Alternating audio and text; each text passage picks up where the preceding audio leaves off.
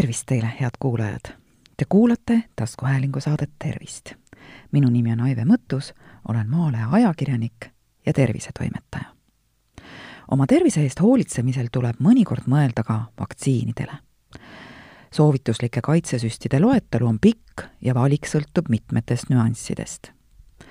vaktsiinide rägastikus aitab meil täna orienteeruda Terviseameti nakkushaiguste seire ja äh, epi-, epideemiatõrje osakonna peaspetsialist Irina Filippova. ja seda siis minu suu läbi.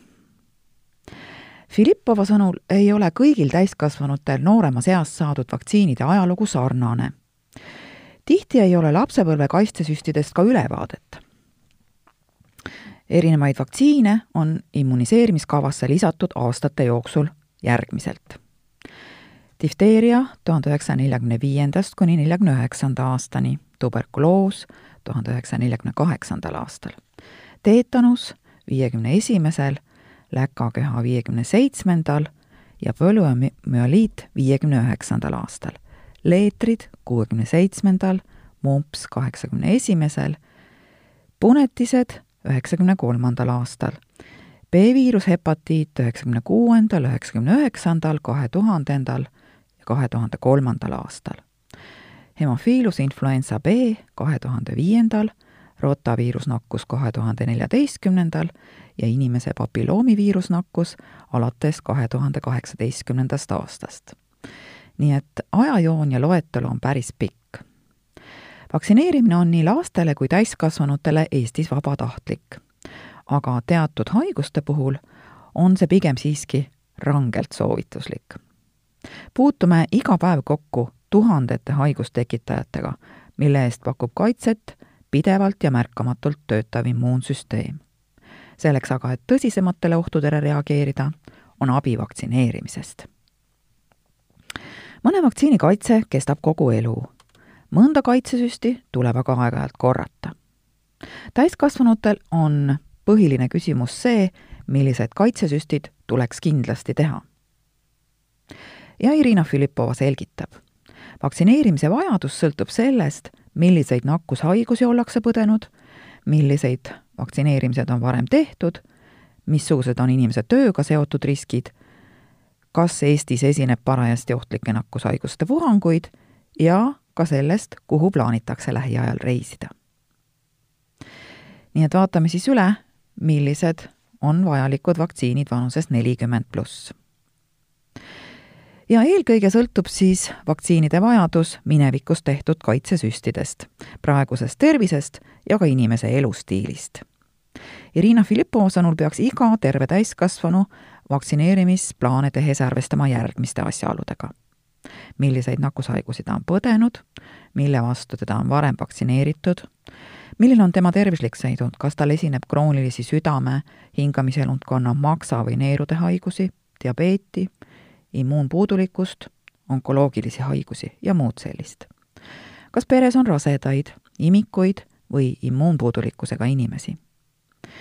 millised on tööst või elustiilist tulenevad riskid? milline on haiguse olukord Eestis, kas parasjagu on puhanguid ning kuhu plaanitakse lähiajal reisida? üle neljakümneaastased inimesed, kes on lapsepõlves korralikult vaktsineeritud vastavalt tol ajal kehtinud in-, immuniseerimiskavale, peaksid end korduvvaktsineerima iga kümne aasta tagant difteeria ja teetanuse vastu. see vaktsiin on täiskasvanutele tasuta ja vaktsineerija võib võtta ainult teenustasu. Filippova lisab, ennast on soovitav vaktsineerida ka B-viiruse hepatiidi vastu. selle kaitsesüstide kuur koosneb kolmest doosist. esimese ja teise doosi vahel on inter-, intervall üks kuu teise ja kolmanda doosi vahel viis kuud ning korduvvaktsineerimine ei ole vajalik ja ka see, see vaktsiin on täiskasvanutele tasuline. kolmandana tuleks ette võtta korduvvaktsineerimine leetrite, mumpsi ja punetiste vastu. siis sellise vaktsiini nagu MMR ühe doosiga. seda vaktsiini aga ei tohi manustada rasedatele ja see on samuti tasuline maksab umbes kümme eurot. kahe doosiga vaktsineerimine tuleks sellesama MMR vaktsiiniga ette võtta täiskasvanuna neil, kes ei ole leetreid põdenud ja keda ei ole üldse leetrite vastu vaktsineeritud. korduvvaktsineerimine ühe doosiga on siis soovitav teha ka neil, kes on varem vaktsineeritud leetrivaktsiini või MMR vaktsiini ühe doosiga. See on siis need inimesed, kes on sündinud enne tuhande üheksasaja kaheksakümnendat aastat. aastatel tuhat üheksasada kaheksakümmend kuni tuhat üheksasada üheksakümmend kaks sündinutel, kes on vaktsineeritud leetrivaktsiini kahe doosiga, on soovitav teha korduvvaktsineerimine samuti siis MMR vaktsiini ühe doosiga. sest tol ajal oli kasutusel meil vaktsiin, mis oli ebakvaliteetne kahjuks. Üheksakümne kolmandal aastal ja hiljem sündinutel, kes on saanud MMR vaktsiini kaks doosi, vajadust ennast uuesti vaktsineerida ei ole. Aastaid tagasi ei olnud äh, vaktsineerimispasse ja andmebaase kaitsesüstide info säilitamiseks. Ning Irina Filippova soovitab kolmekümne kuni viiekümne aastastel inimestel, kellel puuduvad lapsepõlves tehtud vaktsineerimiste kohta andmed, lisaks eelloetletud kolmele kaitsesüstile vaktsineerida ennast ka polüomüeliidi vastu. seda siis IPV vaktsiini kolme doosiga. eriti oluline on see vaktsiin eksootilistesse riikidesse reisijatele. intervallid dooside vahel on vähemalt kuu ja korduv vaktsineerimine ei ole vajalik. üle kuuekümne viie aastastel on soovitav lasta end vaktsineerida igal aastal enne gripihooaja algust gripi vastu, pneumokokknakkuse, tuulerõugete ja vöötohatise ning difteeria ja teetanuse vastu. kuidas on aga leetrite ja läkaköhaga? õieti siis läkakehaga leetritest juba rääkisime. aastaid levinud haigused, mõlemad, nii leetrid kui läkakeha, on tõsine terviserisk ka täiskasvanu eas. no mõned aastad tagasi esines seitsekümmend kaheksa protsenti kõikidest läkakeha haigusjuhtudest täiskasvanutel ja haige keskmine vanus oli nelikümmend üks aastat. nii et ei maksa arvata, et see haigus tabab vaid lapsi ning seetõttu on täiskasvanutel soovitav end läkaköha vastu äh, vaktsineerida difteeria teetanuse läkaköha vaktsiiniga, siis teha üks kord korduv vaktsineerimine. Täiskasvanutele vajalikke vaktsiine on mitmeid, osasid neist on aga võimalik teatud juhtudel kombineerida. ja Irina Filippova soovitab enne vaktsineerimist kindlasti nõu pidada perearsti või Äh, nakkushaiguste arstiga, kes pakub siis optimaalset vaktine-, vaktsineerimisskeemi. vaktsineerimise vajalikkuse ja kaitsesüstide kõrvaltoimete üle käivad arutelud. aga seisukoht, et parem karta kui kahetseda, kehtib ka täiskasvanute haiguste ennetamisel. Täiskasvanutele soovituslike vaktsiinide puhul toob Filippova äh, sagedasemate kõrvaltoimetena välja just lokaalsed nähud, nagu süstikoha valulikkus, punetus ja turse. üldistest nähtudest esineb, võib siis esineda, ei pruugi, lühiajalist palavikku, nõrkust, peavalu, mõningast lihasevalu ja vahel süstimisjärgset minestust. teisel nädalal pärast MMR vaktsiini manustamist võib täiskasvanud inimesel tekkida kerge nahalööve ja tõusta ka palavik, aga see seisund ei ole nakkusohtlik. vaktsiinide kõrvalmõjud on enamjaolt kergelt, kiiresti mööduvad ega vaja ravi. tõsised kõrvaltoimed, näiteks anafülaktiline reaktsioon, süstekoha turse või infiltraat diameetriga üle seitsme sentimeetri, kõrge palavik ja muu säärane, tulevad ette üliharva. vaktsineerida võib end aasta ringi erandiks on vaid gripihooajale eelnev kaitsesüstimine, mis tuleks ära teha oktoobris-novembris ja puukentsefaliidi vaktsiinikuur, mis tasub lõpetada aprillikuu alguseks, sest Eestis aktiveeruvad puugid tavaliselt aprillis. kõik vajalikud reisivaktsineerimised peaks olema ära tehtud kuu enne reisi reisimisel on samuti oluline teada, mille vastu ollakse vaktsineeritud ja millised kaitsesüstid sihtriiki arvestades juurde tuleks teha.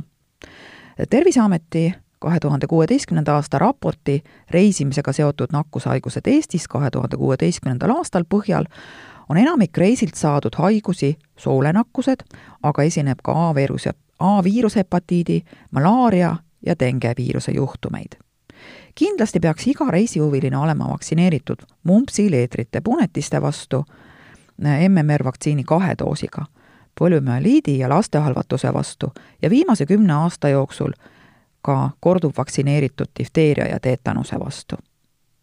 mitmed vaktsiinid võtavad mõju saavutamiseks aega, seega tuleks kaitsesüstid planeerida varakult ja lõpetada umbes kuu enne reisi.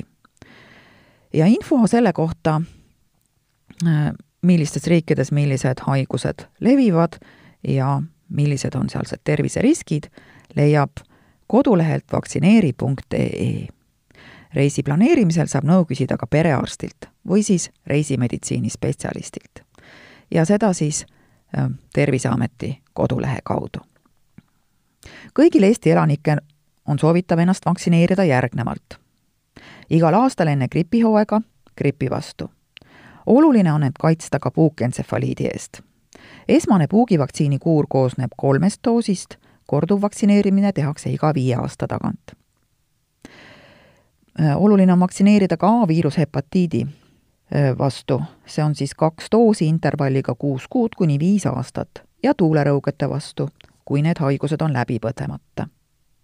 kõik need vaktsiinid, millest ma rääkisin, on nii lastele kui täiskasvanutele tasulised. Praegu kehtiv immuniseerimiskava näeb ette, et esimestel elupäevadel vaktsineeritakse lapsi tuberkuloosi vastu.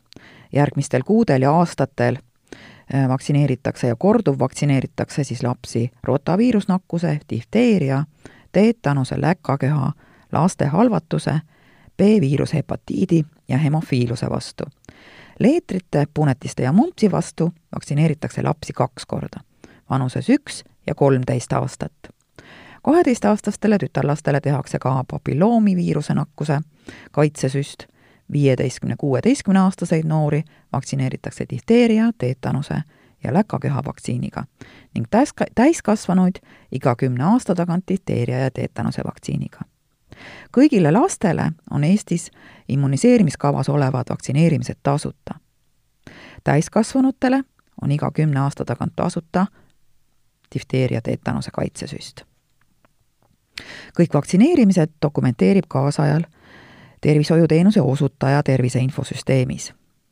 sellekohane kanne tehakse patsiendi immuniseerimispassi ja paberil või elektrooniliselt peetavasse immuniseerimisraamatusse. immuniseerimispass väljastatakse perearsti või mõne teise tervishoiuteenuse osutaja tehtud immuniseerimisel. head kuulajad, te kuulasite taskuhäälingu saadet Tervist tänases saates kasutasin ma ajakirjas Tervis pluss ilmunud artiklit Täiskasvanu vaktsineerimine, mille autoriks on ajakirjanik Kadri Kütt. saate leiate Delfi podcastide pesas tasku, nutirakenduste Spotify, Apple Podcasts, SoundCloud ja teised. hakake jälgijaks ja kuulake just teile sobival ajal. ettepanekuid teemade kohta, mida saates käsitleda, ootan teilt e-posti teel aadressil tervist.maaleht.ee minu nimi on Aive Mõttus, olen Maalehe ajakirjanik ja tervisetoimetaja. tervist teile!